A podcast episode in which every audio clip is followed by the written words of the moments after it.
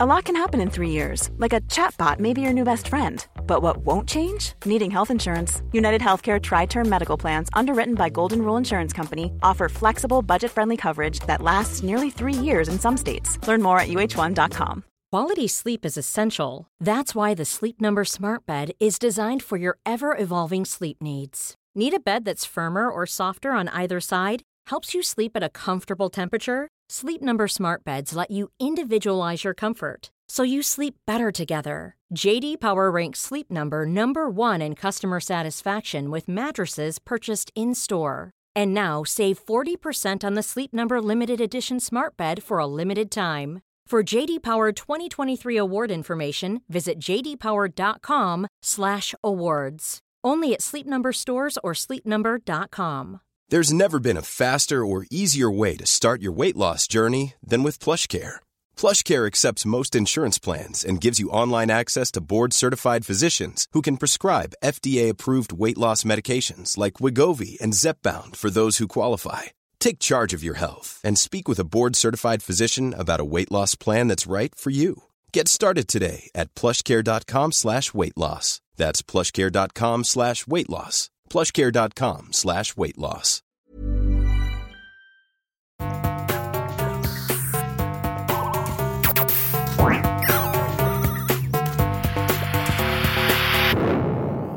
Velkommen til Sinnsyn. Jeg heter Sondre Risom Livre, er psykolog, og dette er Webpsykologens podkast. Hverdagspsykologi for fagfolk og folk flest.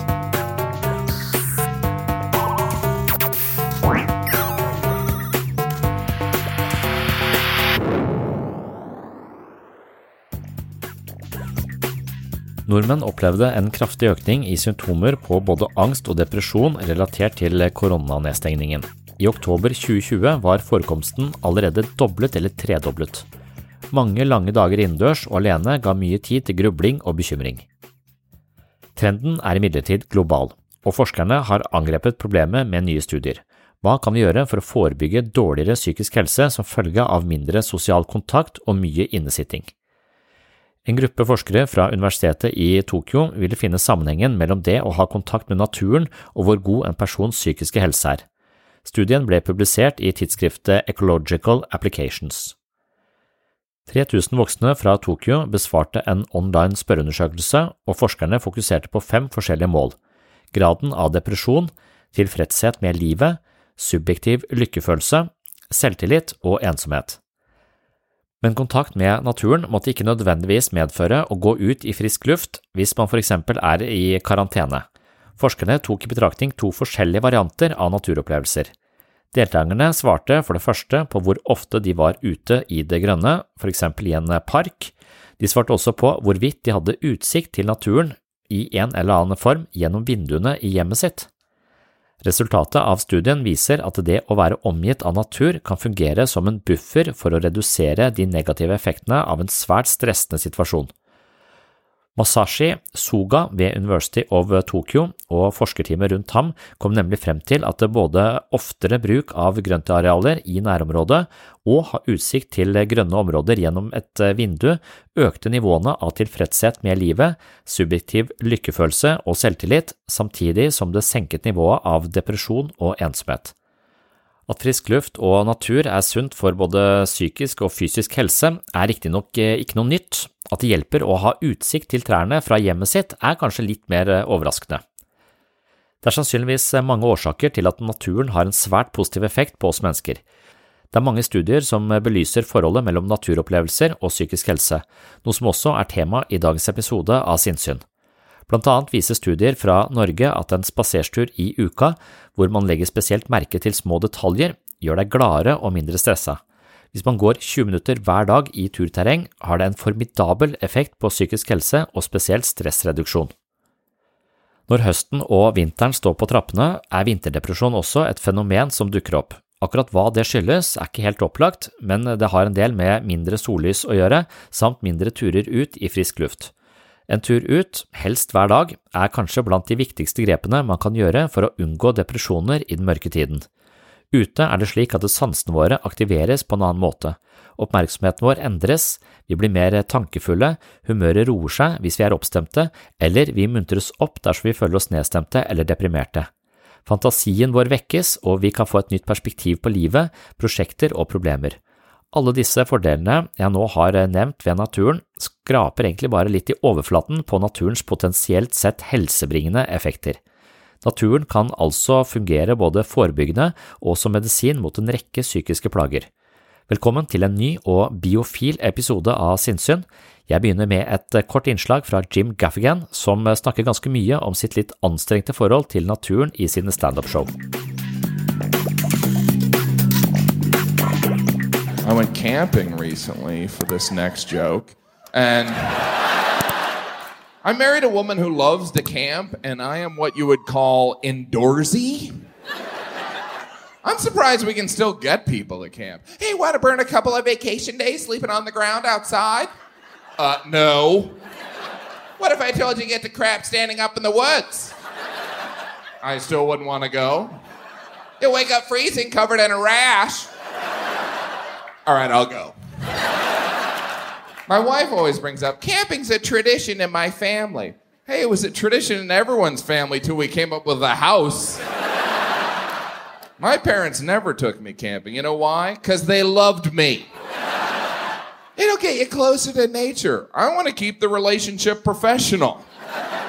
If it's so great outside, why are all the bugs trying to get in my house? Some places you have to pay to camp. You have to pay to sleep outside. That's gotta be insulting to the homeless people. How much does cost you? I live out here! That must be really expensive.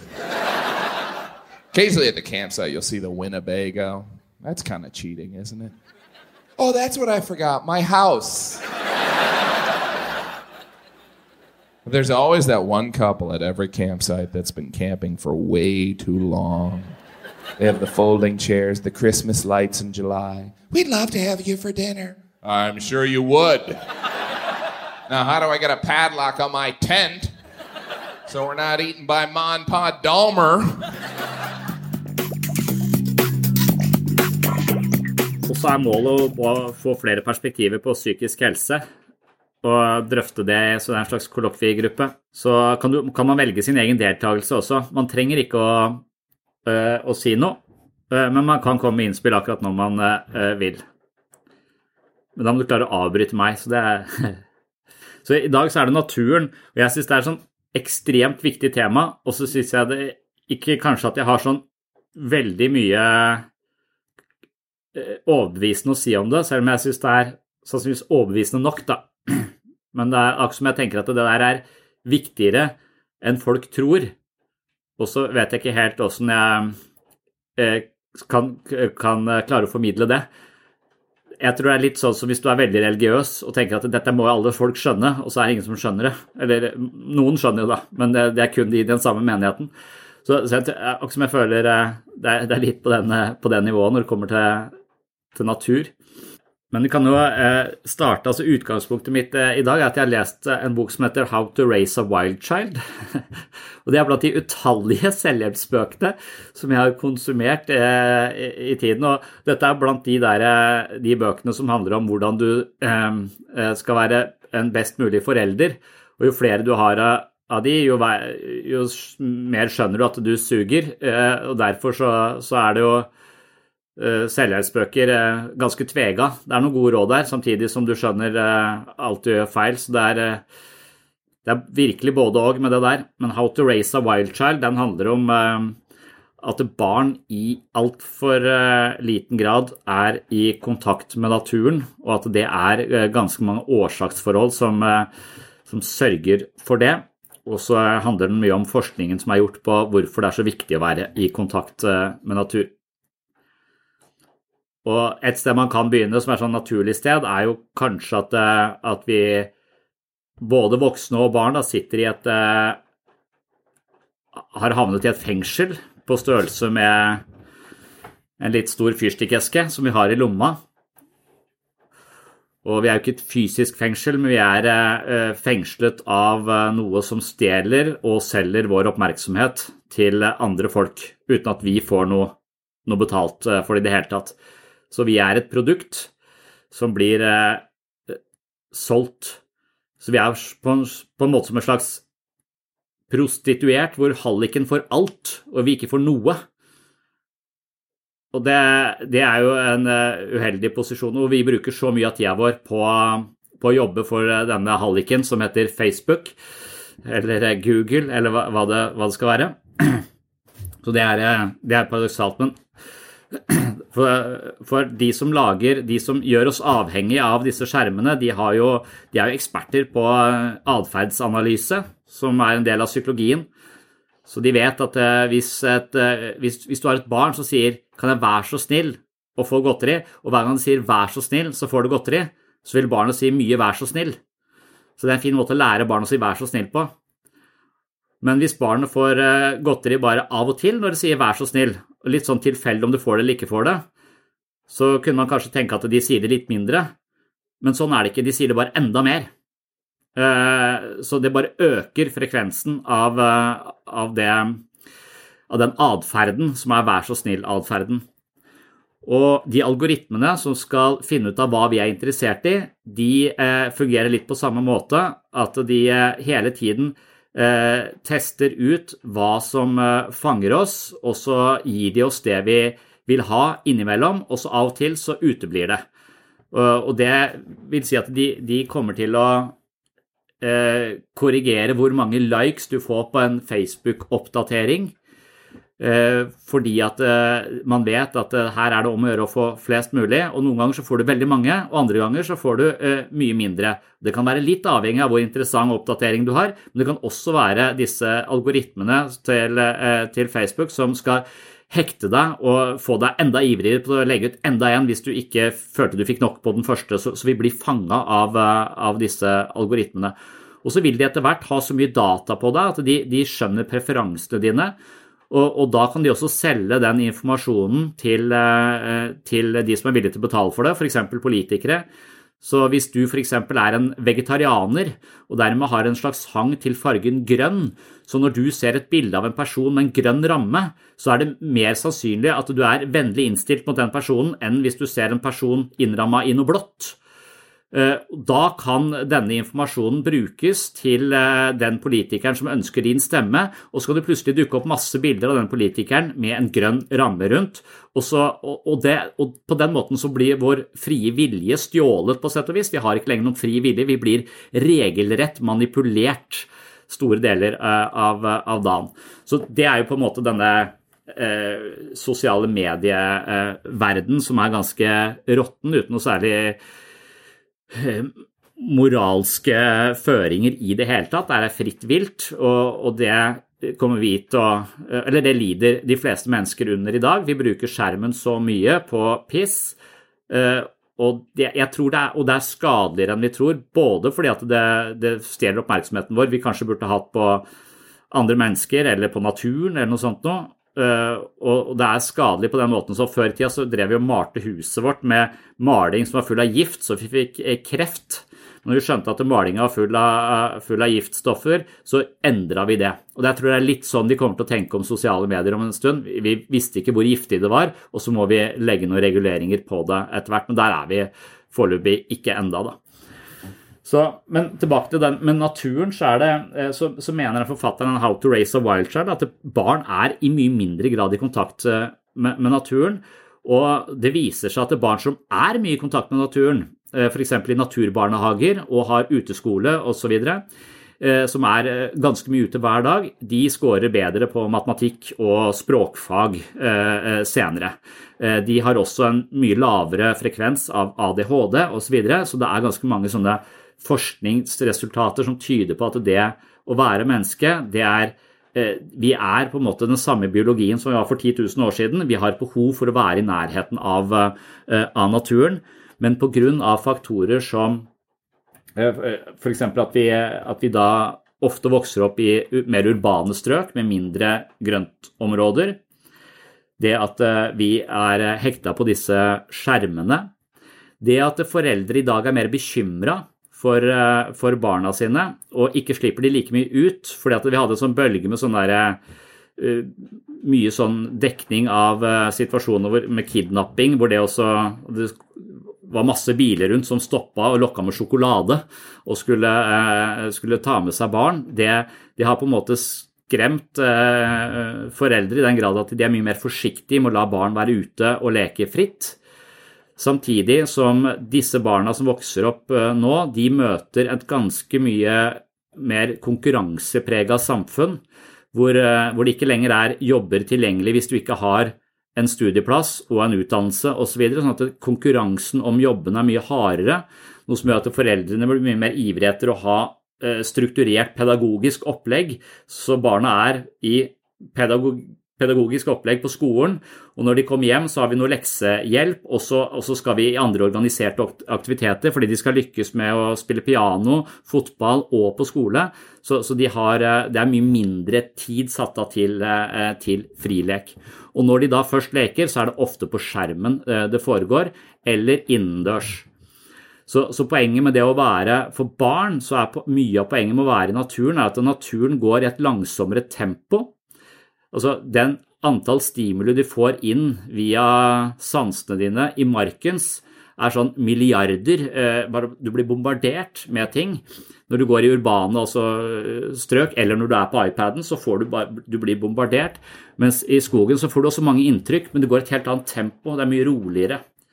Så, så mennesker som utsettes for naturbilder, de, der ser man umiddelbart at hjertefrekvensen går ned. altså Så stressnivået vårt reduseres med en gang vi er i, i, naturen.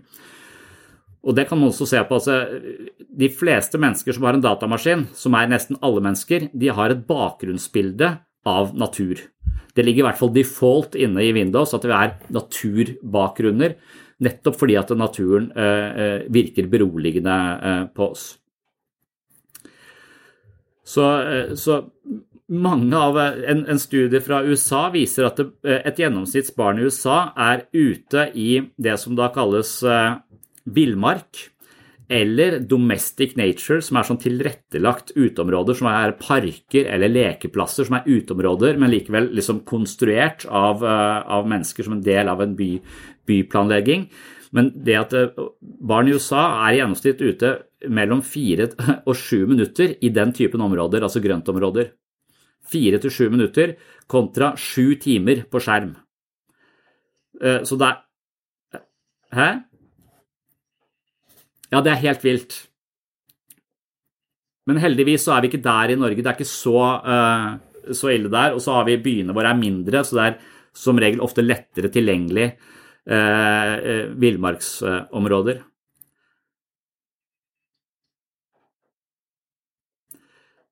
Nei, jeg tror tallet er i hvert fall eh, stigende på skjerm. For det kan man jo lese av uh, iPaden til barna. ikke sant? Og jeg kan lese det av min egen smarttelefon. Denne uka har du brukt 9% mer skjermtid, og så står det hvor mye det er. Og så står det hvor mye det er på, på ulike apper. Og Det er ikke sånn at jeg mener å svartmale det helt, for jeg mener jeg får ekstremt mye ut av telefonen min i forhold til å høre på lydbøker og, og medit meditasjonsapper og alt mulig sånt noe. Men det er vel den derre Den mengden tid som jeg kaste bort på at noen tjener penger på min oppmerksomhet jeg ikke får noe annet ut av det enn en kattevideo.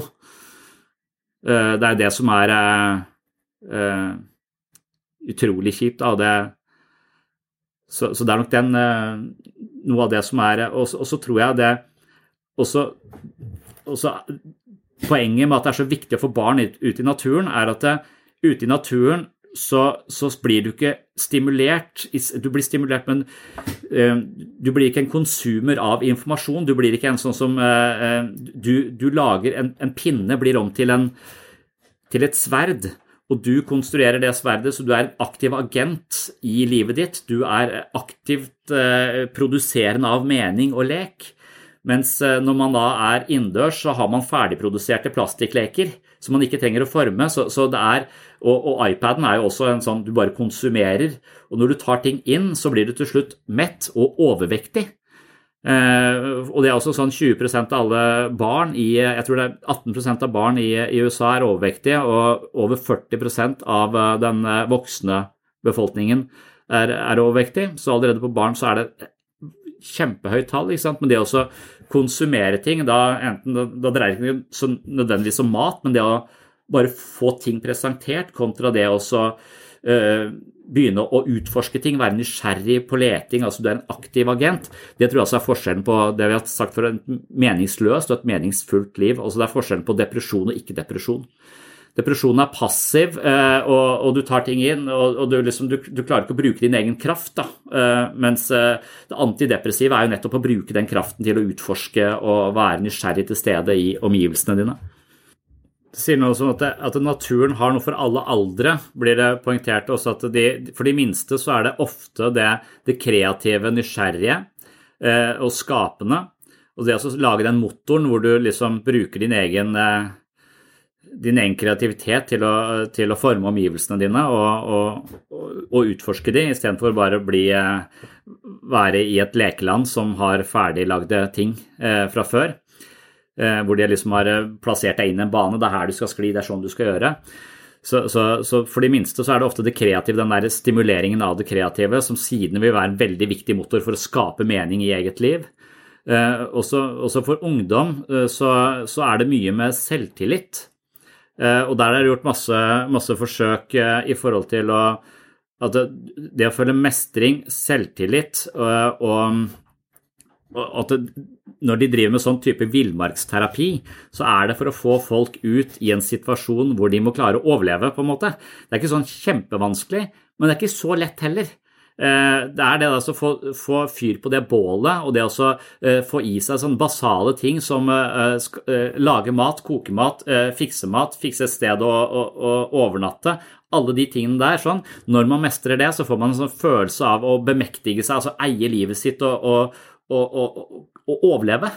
Og, og, den følelsen den har ganske gjennomgripende kraft, så de som har vært gjennom et sånt villmarksprogram i disse forskningsprosjektene, de scorer veldig mye høyere på selvtillit eh, da senere, men også med en ganske langtidseffekt. Så, så den erfaring på at jeg faktisk kan mestre eh, og, være tre dager i naturen, for f.eks., det, det har en eh, ganske sånn gjennomgripende effekt på både selvfølelse og selvtillit, som også er eh, interessant. Og, og det, det kjenner jeg på selv, for jeg syns ikke det er så jævla lett å få fyr på det bålet. Og så har jeg alltid trodd at jeg skal legge den der, der eh, barken på en måte, og den som er tørt, da, under de store stokkene, sånn at det liksom brenner opp i de store stokkene. Og så var jeg nå ute med en sånn eh, heimevernstype nå eh, i helgen, for da sto vi så mye på skøyter, og, og, da var det jo bål, selvfølgelig. Og så la jo all den barken på toppen av de store. Og det og ble fyr med en gang, for det skulle brenne ned. Det skulle ikke, så jeg, jeg, har alltid gjort motsatt. Det er derfor jeg har slitt med greiene. Så man lærer alltid Så bare det å kunne sånne ting eh, eh, ja, det, det, gjør noe med en sånn følelse av at eh, hvis det skikkelig røyner på, så kan jeg overleve. Nå veit jeg åssen jeg får fyr på det bålet, så jeg har ikke overnatta så fryktelig mye ennå, men jeg, jeg, jeg, får se. Men eh, ja. Men, men for, for, meg så er det jo sånn også med, med barn altså eh, det at, det, at antall ADHD-diagnoser øker så kraftig, eh, som det også gjør, eh, spesielt i USA, når du hele tiden utsettes for enormt mange stimuli som krever oppmerksomheten din hele tiden, går fra det ene til det andre, fra det ene til det andre. Du blir en sånn vibrerende, og det å holde da konsentrasjon på noe over lengre tid, det er jo en treningssak. Så når det overhodet ikke stimuleres pga. alle disse stimulene, så er det ikke så rart du blir denne litt sånn uh, halvmaniske veksleren på, på, det, på, det, ene og det andre. Så, så, så for, og for meg så er det helt tydelig at jeg tror uh, det, det, skal jeg ikke si, men min opplevelse av ADHD er at det, det er ikke medfødt. Det er noe som folk pådrar seg hvis de ikke går ut Eh, eh, på formiddagen hjemme i en helg. Hvis du har barn og klokka bikker 11, da får alle ADHD i det huset. Altså, de, pådrar seg ADHD i løpet av den formiddagen inne. Så da må vi ut, og da blir vi kvitt ADHD. men, men jeg, jeg, skal, jeg, skal, ikke underkjenne at ADHD er noe annet. Altså for Det jeg kaller nå, er jo ikke ADHD, det er bare en slags Eh, vibrerende dårlig stemning hvor alle krangler og skyter hit og dit. Så jeg, får en sånn manisk følelse. Akkurat samme som følelsen jeg har, at, jeg, egentlig heller aldri har erkjent at eh, jeg, har viktig å gå ut i naturen. Jeg har sett på sånne, sånne klisjeer, på en måte, og så ikke nødvendigvis følt at det gjelder meg sånn direkte. Jeg kan lese om det, ha en sånn intellektuelt forhold til det, men det er koronasituasjonen som tvang meg ut i skogen igjen, og som, og som jeg bare eh, merket hvor enormt stor effekt det hadde på meg og barna mine, og samhandlinga mellom oss. Eh, så det, på, det, var heller ikke noe som jeg kunne gjenkjenne i det stresset jeg kanskje følte før eh, vi ble tvunget ut i skogen av smittevernhensyn. Ja, men det, jeg mener at norske skoler er sannsynligvis, i hvert fall når jeg leser de amerikanske undersøkelsene, How to Raise a Wild Child, altså basert på amerikanske undersøkelser, så vil jeg si at eh, både i all min erfaring med barnehager og skoler som mine barn har vært på, så er det én dag i uka er utedag. Barnehagen som de gikk i, det var ute hver eneste dag. Det var utebarnehage, så de var kun inne noen få timer. Så, så, så jeg, jeg, tror kanskje norske får være ganske oppmerksom på dette. Eh, i mye større grad enn en, en kanskje andre land. Så jeg, føler vi er litt sånn naturopplyste i Norge. Eh, I hvert fall det er min erfaring fra de skolene eh, som jeg nå kjenner til. Men jeg vet ikke om dere tenker annerledes om det. Men jeg skal, jeg skal si en ting som jeg brenner for også, og som høres ut som reklame, men det er det ikke. Men når For for man kan si hva man vil om spesielt eh, de sosiale mediene som er tufta på en sånn type økonomi hvor det er vår oppmerksomhet som er eh, målet, å fange mest mulig grad. Altså det, er, det er farlig for oss. Det er som å gå rundt med en avhengighetsskapende ting i lomma. Det er som om vi skulle på, eh, på Solvang fått en kantine som serverte gratis alkohol i lunsjen. Altså, Hvis jeg fikk en gin tonic i hver eneste lunsj, så hadde jeg vært Det ikke så vanskelig å be. Eh, så hvis det hadde vært standard, så hadde det er omtrent på den måten eh, man legger opp til å ha den typen eh, ja, avhengighetsskapende ting så tett på seg og gå rundt med det hele tiden. Så, så, så det, er, det, er, direkte destruktivt. Men når, når, disse bøkene snakker om naturen, så viser også forskning at det å se bilder av naturen har omtrent Eller har nesten tilsvarende effekt som å være i naturen. Selvfølgelig ikke tilsvarende som å være i naturen, men de mener at vi kan aldri bli kvitt teknologien, men vi er nødt til å lage hybridhjerner som klarer å koble natur og teknologi. Fordi at det nytter ikke å være surmaga og si at vi vil ikke ha den teknologien. Den teknologien er, Vi er en teknologisk art, det er en del av hverdagen vår. Så vi er nødt til å klare å koble det på en større nærhet til naturen. Og da er forslagene f.eks. For å Eh, å ta så, ja, så, så disse bøkene så skiller de mellom villmark, som er liksom midt ute i skauen, eh, og så er det denne mer tilrettelagte grøntområdene og grøntlungene, som også har en effekt, som er i byer ofte. Eh, og så snakker de om en teknologisk natur, som også har en viss, viss effekt. Og det vil si at vi f.eks.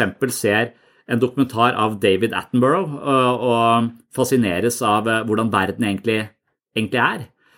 Så, så, det, hvis du skal så Målet for men er How to Raise a Wild Child, som er en selvhjelpsbok for foreldre som vil ha barna mer i kontakt med naturen, så er det masse tips til Uttrykk din egen interesse for naturen, eh, nevn naturen, ta de med ut, stopp og kikk, eh, kjenn etter, trekk, så, så, vil barna etter hvert adoptere din atferd, mener de.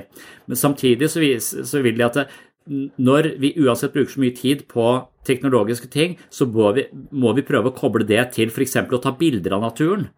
Sånn at eh, vi får en interesse hvor vi kan koble denne smarttelefonen eller dette kameraet, eller det, det å ta filme, det å være ute i eh, naturen og leite etter naturskjønne ting som du kan ta et bilde av, da kobler du teknologien og naturen på en måte som, som eh, fostrer en interesse for natur. Da.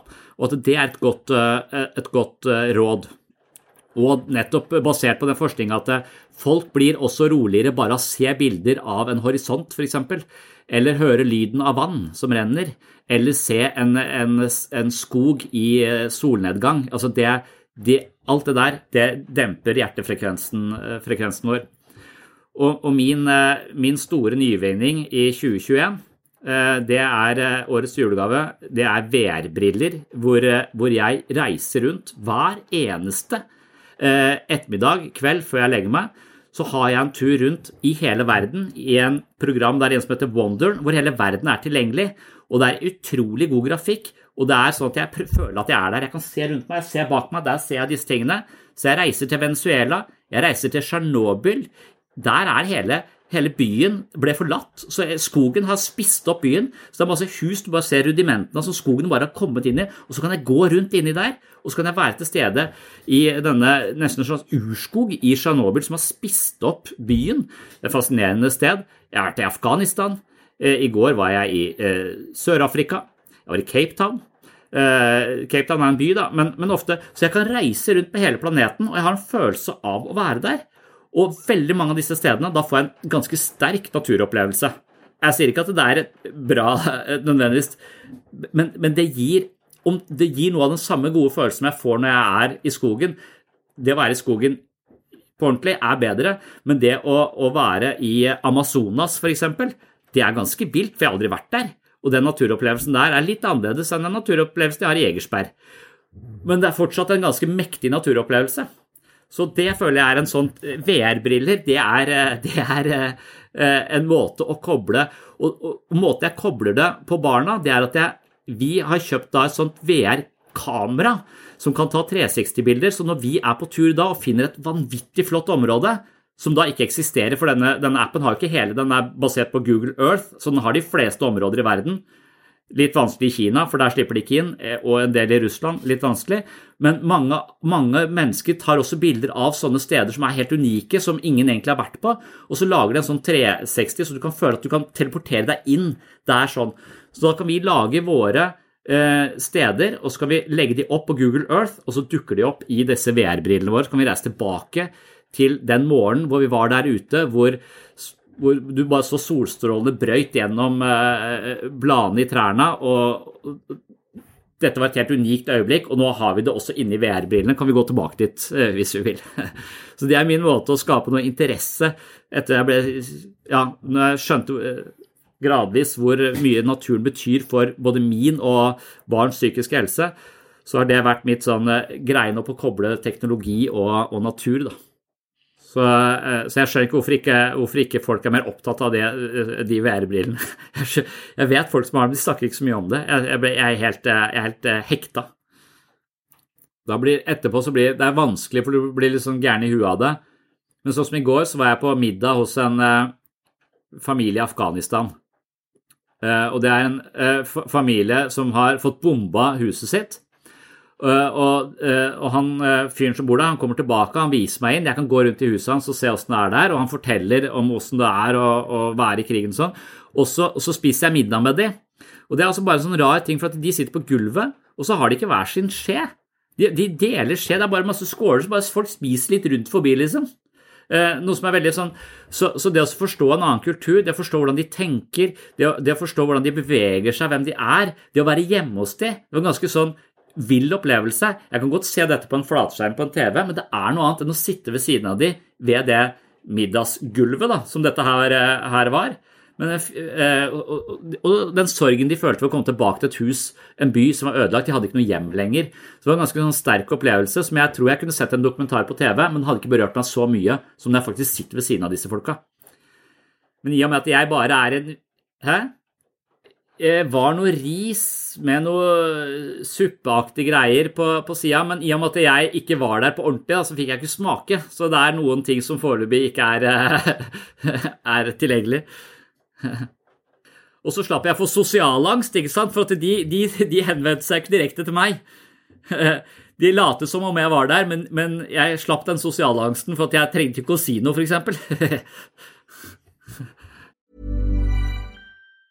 Mom deserves the best, and there's no better place to shop for Mother's Day than Whole Foods Market. They're your destination for unbeatable savings, from premium gifts to show-stopping flowers and irresistible desserts. Start by saving 33% with Prime on all body care and candles. Then get a 15-stem bunch of tulips for just $9.99 each with Prime. Round out Mom's menu with festive rosé, irresistible berry chantilly cake, and more special treats. Come celebrate Mother's Day at Whole Foods Market. Planning for your next trip? Elevate your travel style with Quince. Quince has all the jet setting essentials you'll want for your next getaway, like European linen, premium luggage options, buttery soft Italian leather bags, and so much more. And it's all priced at 50 to 80% less than similar brands. Plus, Quince only works with factories that use safe and ethical manufacturing practices. Pack your bags with high-quality essentials you'll be wearing for vacations to come with Quince. Go to quince.com slash trip for free shipping and 365-day returns.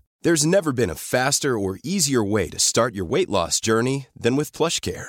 PlushCare accepts most insurance plans and gives you online access to board-certified physicians who can prescribe FDA-approved weight loss medications like Wigovi and Zepbound for those who qualify. Take charge of your health and speak with a board-certified physician about a weight loss plan that's right for you. Get started today at plushcare.com slash weight loss. That's plushcare.com slash weight loss. plushcare.com slash weight loss.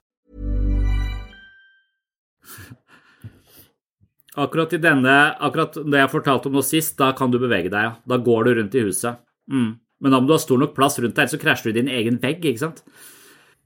Eller en gymsal, det er det jeg har prøvd. Jeg har hatt prøvd det her på, på jobb, en gymsal. da er det lettere. Mm. Nei, for at du setter opp en sånn grind, så du, du kommer opp på sånn Det ser ut som du kommer som netting rundt deg når du nærmer deg en vegg. Så du er veldig sånn tydelig på at eh, du ikke Den sier fra. En, en ting er den tilgjengeligheten, og så en annen ting når man sier sånne ting, så jeg tenker Du kan gå til til psykolog og snakke om ting. Du kan forstå ting på nye måter. Men du kan også eh, bryte isolasjon ved å være sammen med flere mennesker, få en forbindelse til folk, føle tilhørighet et sted. Eh, du kan også spise litt sunnere. Du kan sove litt mer. Eh, du kan bevege deg, du kan trene, du kan være i naturen. Alle disse tingene er jo til sammen ekstremt viktig for psykisk helse så er det mange som bare går og snakker, og da tror jeg ikke du kommer noen vei. Eh, på en måte, Du er nødt til å inkludere, du må vite hvorfor ulike elementer er viktige for vår totale helsetilstand, og så gjøre de tingene. Men poenget med at psykologien kommer litt først her, er at veldig mange har en idé om at jeg er eh, verdiløs, jeg er udugelig, jeg er ikke verdt noe. Og da er insentivet for å gjøre ting som egentlig er bra for deg sjøl, ikke til stede. Så du kan liksom banke, du kan prøve å overbevise folk til kuene komme hjem om hvor viktig det er å gå en tur i skogen hver dag på 20 minutter, og hvor, hva slags helseeffekter det har. Men hvis du hater deg sjøl, så vil du nesten ikke ha de helseeffektene. Så det er den kritiske ja, men du har ikke vært noe, det så stusslig. Så jeg tror det er de der negative indre stemmene. Så da, da, kan du virke som meg, som en slags sånn prest som driver og, og, og prøver å overtale folk om at eh, Gud er god, eller at naturen er god, eller, eller VR-briller er bra. Men det hjelper ikke så lenge folk ikke er ute etter egentlig dypest sett føler de fortjener en helsegevinst, da, f.eks. Eller føler at de fortjener å ha det bra, at de kanskje trives med å ha det dårlig, for det er det jeg fortjener. Så det er nok derfor kanskje at den derre korrigeringa av sin egen selvkritiske indre stemme, altså det å akseptere seg selv og ha en form for respekt og anerkjennelse og omsorg for seg sjøl. Hvis ikke du har det, så kan vi drive og banke dette her eh, inn til folk uten at det har noen effekt. For de, vil ikke benytte seg av det. Og da kan man nærmest bli apatisk, ikke sant. For at eh, så, så, helt klart altså at, at grunnlaget vi har for å sammenligne oss med andre, er jo hundredobla, for ikke å si tusendobla eh, pga. Eh, sosiale medier. Så, så vår eh, innsikt i andre menneskers private liv har jo aldri vært så stor. Og det de da viser, det er jo ikke nødvendigvis den vasken som er full av, eh, av oppvask. Så følelsen av tilkortkommenhet er lett tilgjengelig. Det er bare å ta opp den telefonen du har i lomma, så kan du føle deg tilkortkommen. Eller som meg, da bo i et hus med 250 selvhjelpsbøker for hvordan du skal være en god forelder. Det er også oppskriften på å føle seg mindreverdig som pappa. Så da kommer den selvkritiske stemmen inn, og tenker er god Og, hvis, ikke, og hvis du føler deg så middelmodig og dårlig, så er det veldig vanskelig å tenke at det, man skal i det hele tatt gidde å gjøre noe med det. Eller fortjener man å gjøre noe med det? Fortjener man å ha det, ha det bedre? Da er det også den der, En ting er hvordan vi sammenligner oss med andre, men en annen ting er også hvordan vi har vokst opp på skole, foreldre Altså hva slags indre monologer vi har med oss selv. Da. Hva slags stemme, hva slags kommentatorspor følger livet vårt. Er det et positivt spor som ja, du er fin, du er flott, du får det til? Er det en sånn indre kommentator du har, eller har du mer denne selvkritiske kommentatoren? Og majoriteten av oss er en selvkritisk kommentator, fordi vi tror at det er lurt å være strenge med oss selv eller kjefte på oss selv for at vi skal skjerpe oss, men egentlig så fører det bare til frykt og apati og depresjon. Så, så det å korrigere de indre stemmene, som ofte er et ekko av alle de folka vi har møtt tidligere, som eventuelt kanskje har tråkka på oss fordi de hadde behov for å hevde seg selv, og så har det blitt vår egen indre pisk. Det er, også, det, det er, vel det psykologien også prøver å bidra med. Da. altså En innsikt i at alt du tenker og føler er feil. De stemmene som driver og pisker deg rundt, de er et ekko fra folk som har piska deg rundt sjøl eh, før, men som, som, ikke nødvendigvis hadde rett til det, eller hadde noe, eh, noe motivasjon, noe omsorgsfull motivasjon i det hele tatt. Egentlig bare Det tror jeg er litt det jeg prøvde å si sist, det du sa nå. At, eh, at det er et ganske en smart ting å gjøre.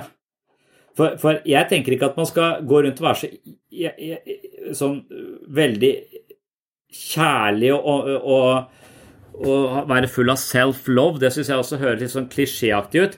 Men du trenger ikke gå rundt og være en psykopat mot deg sjøl. Det er vel det, det, jeg tenker er for, for, det er litt på det nivået der. Nei, det fortjener ikke jeg. Jeg er dum. Jeg er en dust. Altså, Hvis du sier sånn til andre folk, som mange sier til seg sjøl, så hadde du jo blitt bura inn. Blitt eh, Sittet fem år i fengsel pga. trakassering. Grov ja, verbal vold, nærmest. Så, så, jeg er helt enig i at det, det også å være sånn der 'Å, jeg er så fin, jeg er så fantastisk', og sånn, det høres unaturlig ut for meg. Så det, det har et sånn Men jeg er god, god, nok. Jeg er i hvert fall ikke Det å ikke oppføre seg som skikkelig drittsekk da, mot seg sjøl, det, det syns jeg er uh, Så jeg vet ikke om Hvis du hadde fylt sosiale medier med sånn ikke 'Å, elsk deg selv', men helt sånn derre Slutt å være en psykopat mot deg sjøl. Idiot. Det er, det er, jo en beskjed, det òg, på en måte. Som jeg føler kanskje er eh, Ja, jeg vet ikke om den er eh, For på en eller annen måte så er det jo riktig. Det er jo riktig at hvis du går rundt og er selvkritisk hele tiden, så blir jo livet ditt miserabelt. Og så kan man si at hvis du hele tiden møter den beskjeden, og du er selvkritisk mot deg selv, så føler du deg bare enda mer selvkritisk fordi du klarer ikke å, å elske deg selv sånn som du så at du skal gjøre på Facebook. Men da kan vi jo på en måte ikke informere folk. Det er veldig bipolart, det, at folk enten ja, Det nære forholdet mellom å være enten helt jeg er helt udugelig eller jeg er helt konge. At det, mellomtingen der er jo ja, jeg er helt middelmådig vanlig. Og det, det, er på en måte litt sånn uinteressant da, å være helt vanlig, men det er altså noe utrolig deilig med det. Det å være en del av hopen, en del av fellesskapet, en blant mange. Det er noe sånn vanvittig avslappende og eh, fint med den tanken, kanskje. Hvis man Det elementet er liksom eh, Husk at det er jo turgrupper her på, på huset, sånn at det, det, er jo mulig å alltid være med i en, eh, en turgruppe. Og det å liksom virkelig forstå verdien av den uh, turgruppa jeg, jeg, tror kanskje, hvis man ser på uh, si behandlere, helsearbeidere som jobber i psykisk helse på en type poliklinikk f.eks. Jeg tror de rangerer psykoterapi som eh, langt høyere og mer høyverdig og verdifullt enn turgruppe. Men jeg er usikker på om det jeg, jeg tenker at psykoterapi kan være viktig for mange, men for noen så er turgruppa dobbelt så viktig. Og for andre så er det kanskje like viktig. Og for de fleste så er kanskje kombinasjonen viktig, hvis ikke man går mye tur selv, da. Men at, at, disse elementene litt sånn I psykisk helsevern så er det ofte medisiner og psykoterapi. Det er liksom det som er det velgjørende, det er det som skal kurere folk. Men det kurerer jo ikke folk. Det er jo, eh, det er jo av og til Det er så mye rehenvisninger det, og reklamasjon at det det er kanskje fordi at hvis man virkelig skal gjøre noe med situasjonen sin, så må man kanskje begynne å akseptere seg selv, ha en litt mindre kritisk indre stemme, begynne å få et mer bevisst forhold til hvordan man bruker sosiale, sosiale medier, delta i en eh, flokk som er meningsfull, kanskje eh, bli med på turen, kanskje være med å trene. Altså at man, man gjør jobber på mange områder, som liksom har vært, alltid har vært min kjepphest. At jeg tror det er summen av alle de tingene du gjør for din egen eh, helse, som til sammen har en ordentlig effekt. Eh, akkurat som summen av alle de tingene du gjør som skader din egen helse, til, til slutt har en ganske destruktiv effekt. Så da nevner jeg det med alkoholisme. altså det er jo, Du blir jo ikke alkoholiker av å drikke eh, en, på, på, en tirsdag og en onsdag i et par måneder. Du blir det når du gjør det mandag, tirsdag, onsdag i et halvt år, eller kanskje et år. Det er først da alle, det er summen av alle de små tingene som til sist blir et stort problem. Og så er det også summen av alle de små tingene vi gjør for vår egen helse, som å gå en tur, skru av mobilen, eh, stå opp til samme tid hver dag, spise regelmessig, være med venner, forstå seg selv, være interessert i noe, finne en eller annen aktivitet som, som du brenner for. Altså alle disse små tingene som vi til sammen vil, eh, vil skape forandring. Da. Så jeg syns jeg kanskje at det er liksom spesielt spesialisthelsetjenesten, da. Jeg syns kommunehelsetjenesten virker mye romsligere og mer, eh, har mye mer sånn forståelse for at ja, det er alle disse tinga. Det er yoga, det er spinninga, det er stemninga de har i denne klubben nede på, på Energiverket. Det er det at vi har denne Vi jobber med, med, kondisjonen vår for å klare å gå, nå den fjelltoppen på det og det. Det er alle de tingene der sånn som er absolutt like altså Mye mer kraftfulle summa summarum i forhold til å virkelig jobbe seg ut av en vanskelig situasjon eller en dyp depresjon. Så hvis man først skal i spesialisthelsetjenesten, så føler jeg vi er det beste stedet, for vi har både turgrupper, treningsgrupper, yoga, mindfulness mange Vi prøver å operere på flere områder som ikke alltid klarer når det er korona, men, eh, men at det, det, er viktig.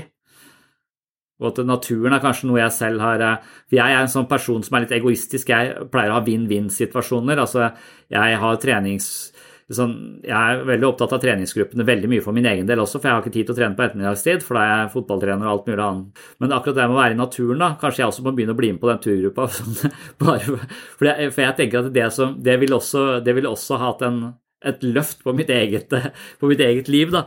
Nå sier jeg du er, du er ansatt, du får betalt for det her, men jeg skal, det er viktig å ivareta min egen helse også. Ja. Det er ikke min mening å snakke ned terapi, for jeg, jeg syns de gruppene vi er de jobber ekstremt bra. Det er så flott å se mennesker våge å være så oppriktige og gjøre så mye eh, jobb med seg selv på et, sånt, eh, på et så personlig, oppriktig og autentisk plan. Så det syns jeg er helt fantastisk. Men jeg tror grunnen til at jeg av og til snakker det litt ned, er fordi jeg syns det, det sånn, i helsevesenet for, eh, er underkommunisert hvor viktig kombinasjonen av det og f.eks. møte folk mer sosialt, være ute i skogen hvis du ikke her har noen rutine på å være ute i skogen. Så, så det, det, jeg snakker det ofte litt ned fordi at jeg føler det andre bør, bør få større plass, da, og, og, og, at det er litt underkommunisert. Eh, selv om det ikke nødvendigvis er det i kommunen, men jeg bare føler kanskje det er i andrelinjetjenesten. For mange ganger så får vi en viss grad av sånn Møter en litt sånn kritisk røst litt ovenfra at det, ja, det, med, det er jo det er kommunalt, det er kommunehelsetjeneste. Nei, det, det, å, det å drive spesialisthelsetjeneste er å skjønne at det er en enormt viktig sammenheng mellom det å jobbe med seg selv i psykoterapi eller gruppeterapi som vi driver med, og øh, plutselig høre til i en flokk som du ikke har hørt til i. Kanskje du har droppa ut fra venner og alle flokker lang, lang tid når du kommer hit. Så, så, det er kombinasjonen av alt dette sammen som virkelig kan løfte noen, øh, noen ut, og at det, det er viktig. Og, ja. Ja, for du kan, eh, du kan frykte at eh, te eh, teknologinatur vil overta eller ta plassen til Akkurat som man kan frykte at det å være, treffe folk bare på nett kan overta for det å treffe de fysisk, som også er viktig, sånn at du utkonkurrerer noe. Så akkurat med det Det som jeg selv ser har mest effekt på, på meg, er rutiner. Så, at, så lenge ikke eh, jeg har en fast rutine på å være ute i naturen, så er det sånn sporadisk, og det har ikke den samme Det er derfor jeg elsket å være i pappaperm, fordi jeg gikk to eller tre turer hver eneste dag. Og jeg kunne se naturen forandre seg. Jeg fikk et helt annet nærhet til naturen, og da hadde jeg en helt klar rutine på det. Nå er jeg ute i naturen hver helg med, med barna mine, men jeg, jeg, har ikke nødvendigvis så er jeg på fotballbanen et par-tre ganger i uka, for det er fotballtrening og sånn. Og så, som, så, så, er jeg jo en del ute, men, men, jeg har ikke den rutinen på det på samme måte. Men det å besøke et naturskjønt, det å være i Grand Canyon i ti minutter istedenfor å se på Netflix, da, som det har blitt nå, at jeg, at jeg heller går inn i og, og undersøker en eller annen del av, av verden jeg aldri har vært i før, det har blitt en slags rutine så dermed så Og, og klokka kvart over ni-halv ti så er ikke jeg ute i skogen likevel. Jeg er ikke akkurat mørkeredd, men, eh, men eh, det har blitt for seint, da. det, det er enig at du, får, du, får, nok mer utbytte av naturen uh, uten telefon. Men, men, jeg tror når det, når det nevnes i How to Raise a Wild Child, så er det fordi at det, jeg, jeg, tror ikke Jeg tror den kampen er tapt, da. Jeg tror, tror ikke at, uh, at teknologien uh, er noe vi kan Det er nødt til å integreres. Det er derfor de snakker om hybridhjerner i den, den boka. Så, så, jeg er helt enig med at det, for, for, min del så vil det være mye bedre å ikke ha med telefonen eller skru av telefonen når jeg er der. Men for å skape interesse og engasjement rundt naturfenomener Hvis, det, hvis du da du, du, står i stua 'Skal vi gå ut, dere?' Og så sitter de på Roblox. Nei, bare, bare ferdig game. Du kjemper imot en overmakt eh, som er så stor. Så, så, for å klare å skape en interesse, så tror jeg kanskje du er nødt til å integrere det som har allerede fanga de så mye, da. Så at det er mulig å bruke teknologi på en positiv måte. Og jeg føler litt at disse VR-brillene sånn sett ikke har noen sånn destruktiv effekt på meg. Du kan spille masse sånne skytespill og sånn i de, helt sikkert. Men det er ikke det jeg bruker det til. Jeg bruker det til å utforske planeten eh, og natur, ulike naturområder.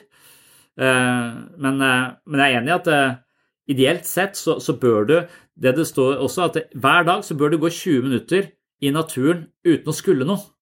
Altså uten å ha et mål eller gå dit eller skulle dit. Du skal bare gå litt på måfå for å se, for å ta inn naturen og se. Det er da denne kreativiteten hos barn stimuleres.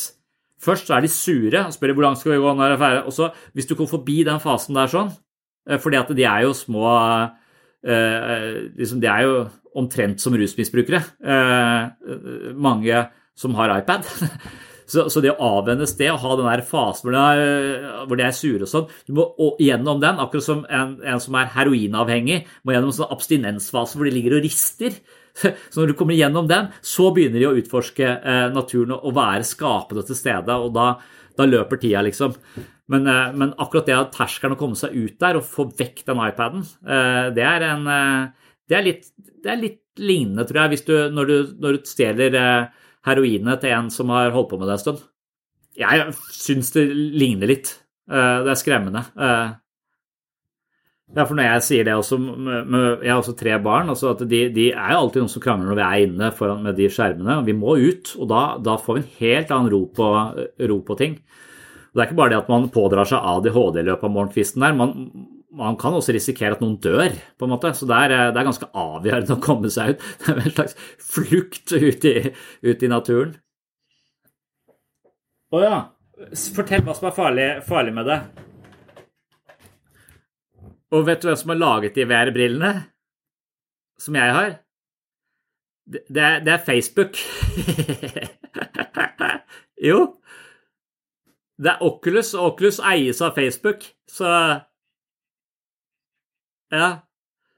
Ja, nei, det skal jeg, skal jeg undersøke. Uh, jeg, ja, for, for, meg så har det vært en sånn uh, Altså spørsmålet hvis, hvis teknologien er brukbar for noe, da, så vil jeg f.eks. tenke at nå sitter vi her uh, og, og, snakker om dette.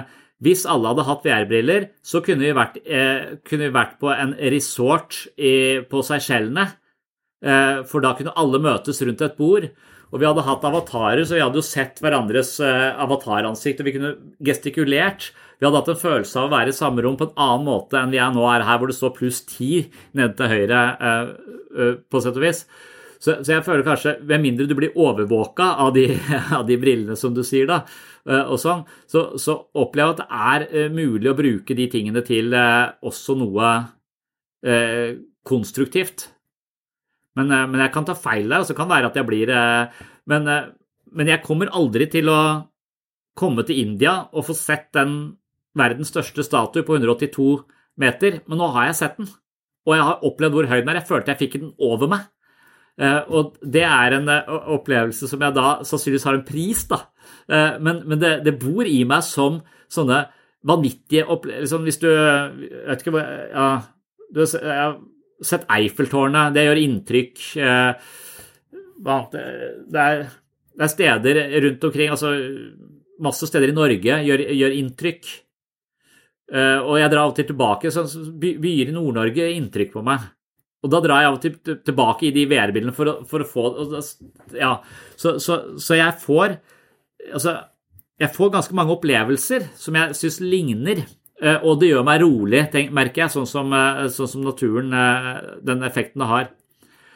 Så, så det er jo spørsmålet er, Hvordan vil det for meg personlig da være de, Hvordan vil de bivirkningene, eller den, den datalagringa som du antyder at de driver med, da, eller den analysen av meg, hvor, hvor er det jeg ender, ender opp i en sånn Black Mirror-episode? hva, hva, hva tenker du at jeg liksom hva slags smell går jeg på? Men, men hva, hva ville, ville, du liksom tenke For at uh, ut ifra det som, jeg, som den Wildchild-boka argumenterte for, så sier jeg det er wilderness, som er det du nevner nå. Altså det å gå fysisk opp til det utsiktspunktet og stå der. Det er en helt annen opplevelse. Men uh, faktum er, sier han, at man, mange har ikke det tilgjengelig. De bor i så uh, store byer at å, de må kjøre i flere timer for å komme dit, for så å gå. Så det bør man gjøre minst én gang i måneden, står det i forhold til barn. da. Og det kan sikkert være lite, det også, men for vi bor i mindre byer, vi har mer grøntområder tilgjengelig osv. Så, videre. så det er liksom, det liksom villmarksnaturen, og så har du den derre eh, mer sånn tilrettelagte naturområder som er i parker osv., som også har en viss effekt på oss, eh, oss mennesker. Eh, som har beroligende. Så du ser folk som går rundt i en trafikkert eh, gate, beveger seg inn i en park. Når du måler de, da, ikke med VR-bil, men så, så, ser du at pulsen synker i møte med den grønne lunga. Og så vet man også at eh, jo flere grønne lunger det er i en by, eh, det korrelerer også med graden av depresjon. Så flere grønne lunger har en veldig sånn helsebringende effekt på, på mennesker. Men så er det også den teknologiske naturen som kan være da et overhodet ikke uh, være velgjørende på samme måte som det å gå opp til utsiktspunktet, men et alternativ som er bedre enn ingenting. Eller et alternativ som overtar for den turen som, som også man kan være bekymra for. da. Jeg vet ikke hvor skeptisk man skal være der. Det er, for det er et interessant Det er alltid et interessant sånt punkt der hvor du for jeg gjør det samme som deg. Jeg hører på regnvær når jeg skal sove. Jeg gjør det ikke alltid, men jeg gjør det av og til. For det, akkurat som lyden av regn gjør meg også veldig sånn beroligende. Det er naturlyd, da. I natt regnet det veldig, så da, da kom det av seg selv.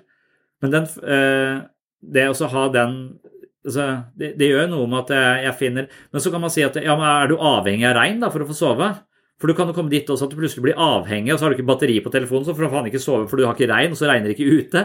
Så, så det er den der cutoffen hvor, hvor, hvorvidt du gjør deg avhengig av noe utenfor deg selv, eller om du kultiverer en form for nærhet til naturen i, i form av lyd av regn, som, som, uh, som en uh, Som kobler deg til naturen igjen uh, før du legger deg. Jeg, jeg vet, liksom, begge deler kan man liksom argumentere for, føler jeg. Eller så vet jeg ikke er det avhengighetsskapende, eller er det egentlig positive ting du gjør for å komme nærmere naturen ved å høre på regn, f.eks.?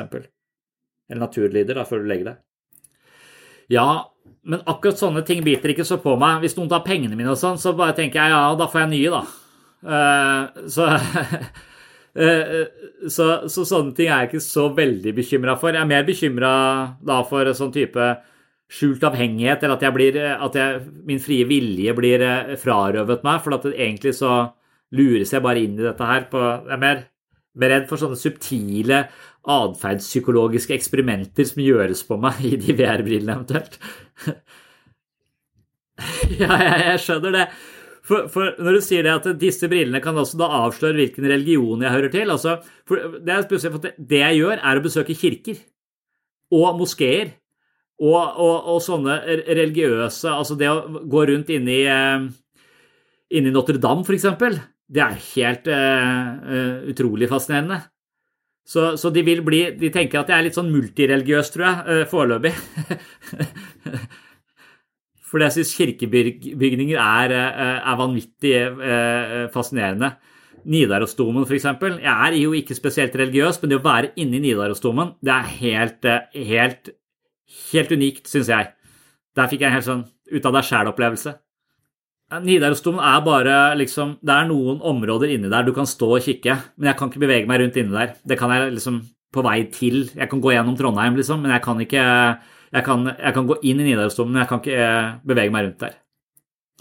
Men jeg får, får finne ut Jeg får gjøre opp regnskapet da, om eye-tracking og det at de kartlegger alle mine preferanser i hvilken grad det kommer til å skade meg på, på lang sikt, eh, kontra de eh, uh, det jeg selv mener er veldig positive opplevelser med å reise rundt i verden. Vi hadde tenkt å kjøpe dette her både til svigerfar og faren min, også, for de er så glad i å reise, og nå kan du ikke reise noe sted pga. korona, så tenkte jeg det er helt perfekt.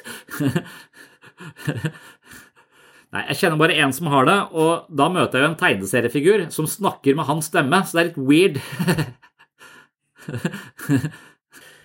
yes, vi ses neste torsdag.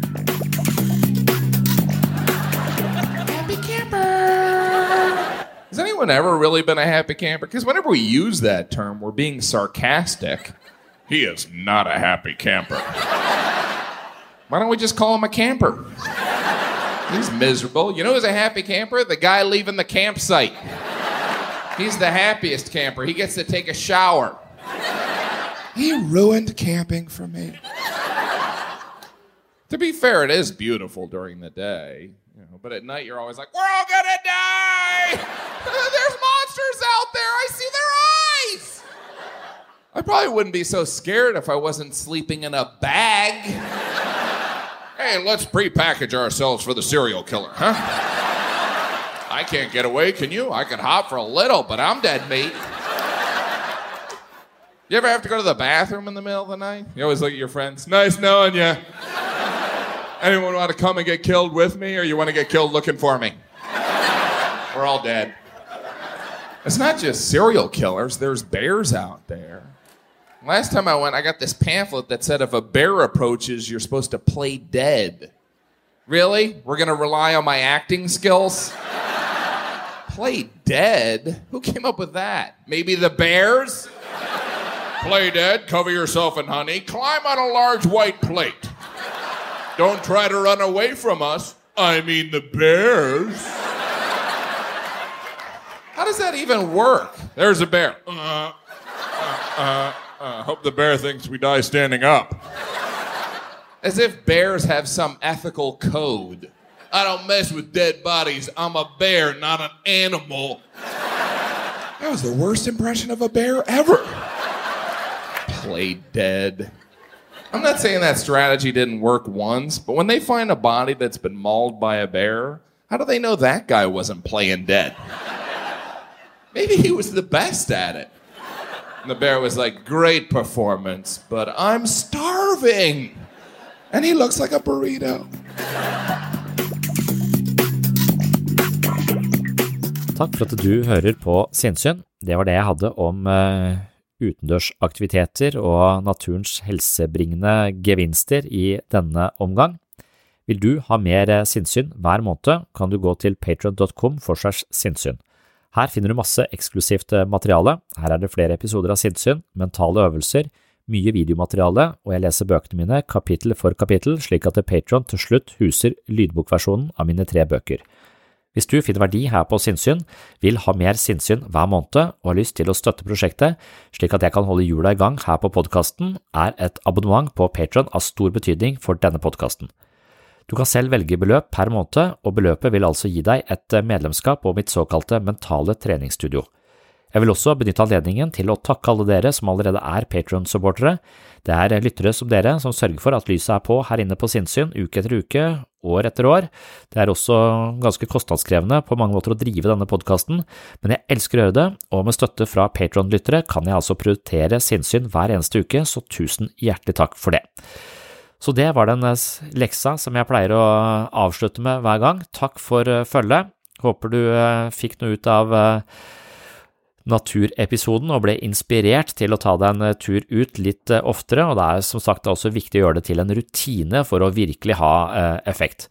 Og hvis du ble fascinert av VR-prosjektet mitt, så, så, har jeg også blitt satt litt på plass der, og de mener at VR er også ganske farlig i forhold til at det driver og overvåker hjernen din eh, på en måte som eh, Altså, Facebook er farlig på mange måter, men nå overvåker det altså hjernen min ved å skanne hjernebølger i forhold til hvordan jeg bruker disse VR-brillene for å komme meg ut i naturen mens jeg sitter i min egen stue.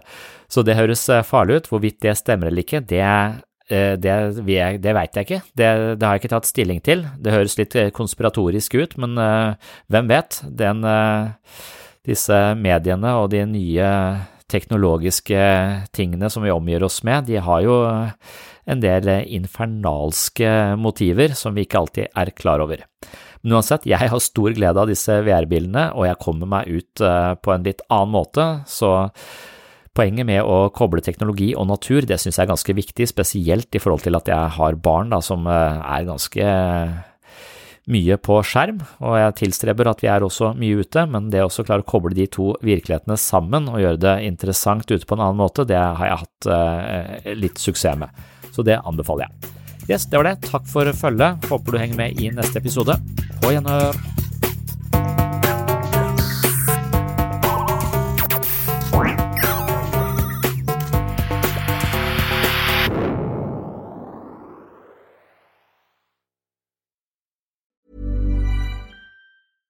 Hey, it's Paige DeSorbo from Giggly Squad. High quality fashion without the price tag. Say hello to Quince. I'm snagging high-end essentials like cozy cashmere sweaters, sleek leather jackets, fine jewelry, and so much more. With Quince being 50 to 80% less than similar brands. And they partner with factories that prioritize safe, ethical, and responsible manufacturing. I love that. Luxury quality within reach. Go to quince.com slash style to get free shipping and 365 day returns on your next order. Quince.com slash style. Here's a cool fact a crocodile can't stick out its tongue. Another cool fact you can get short term health insurance for a month or just under a year in some states.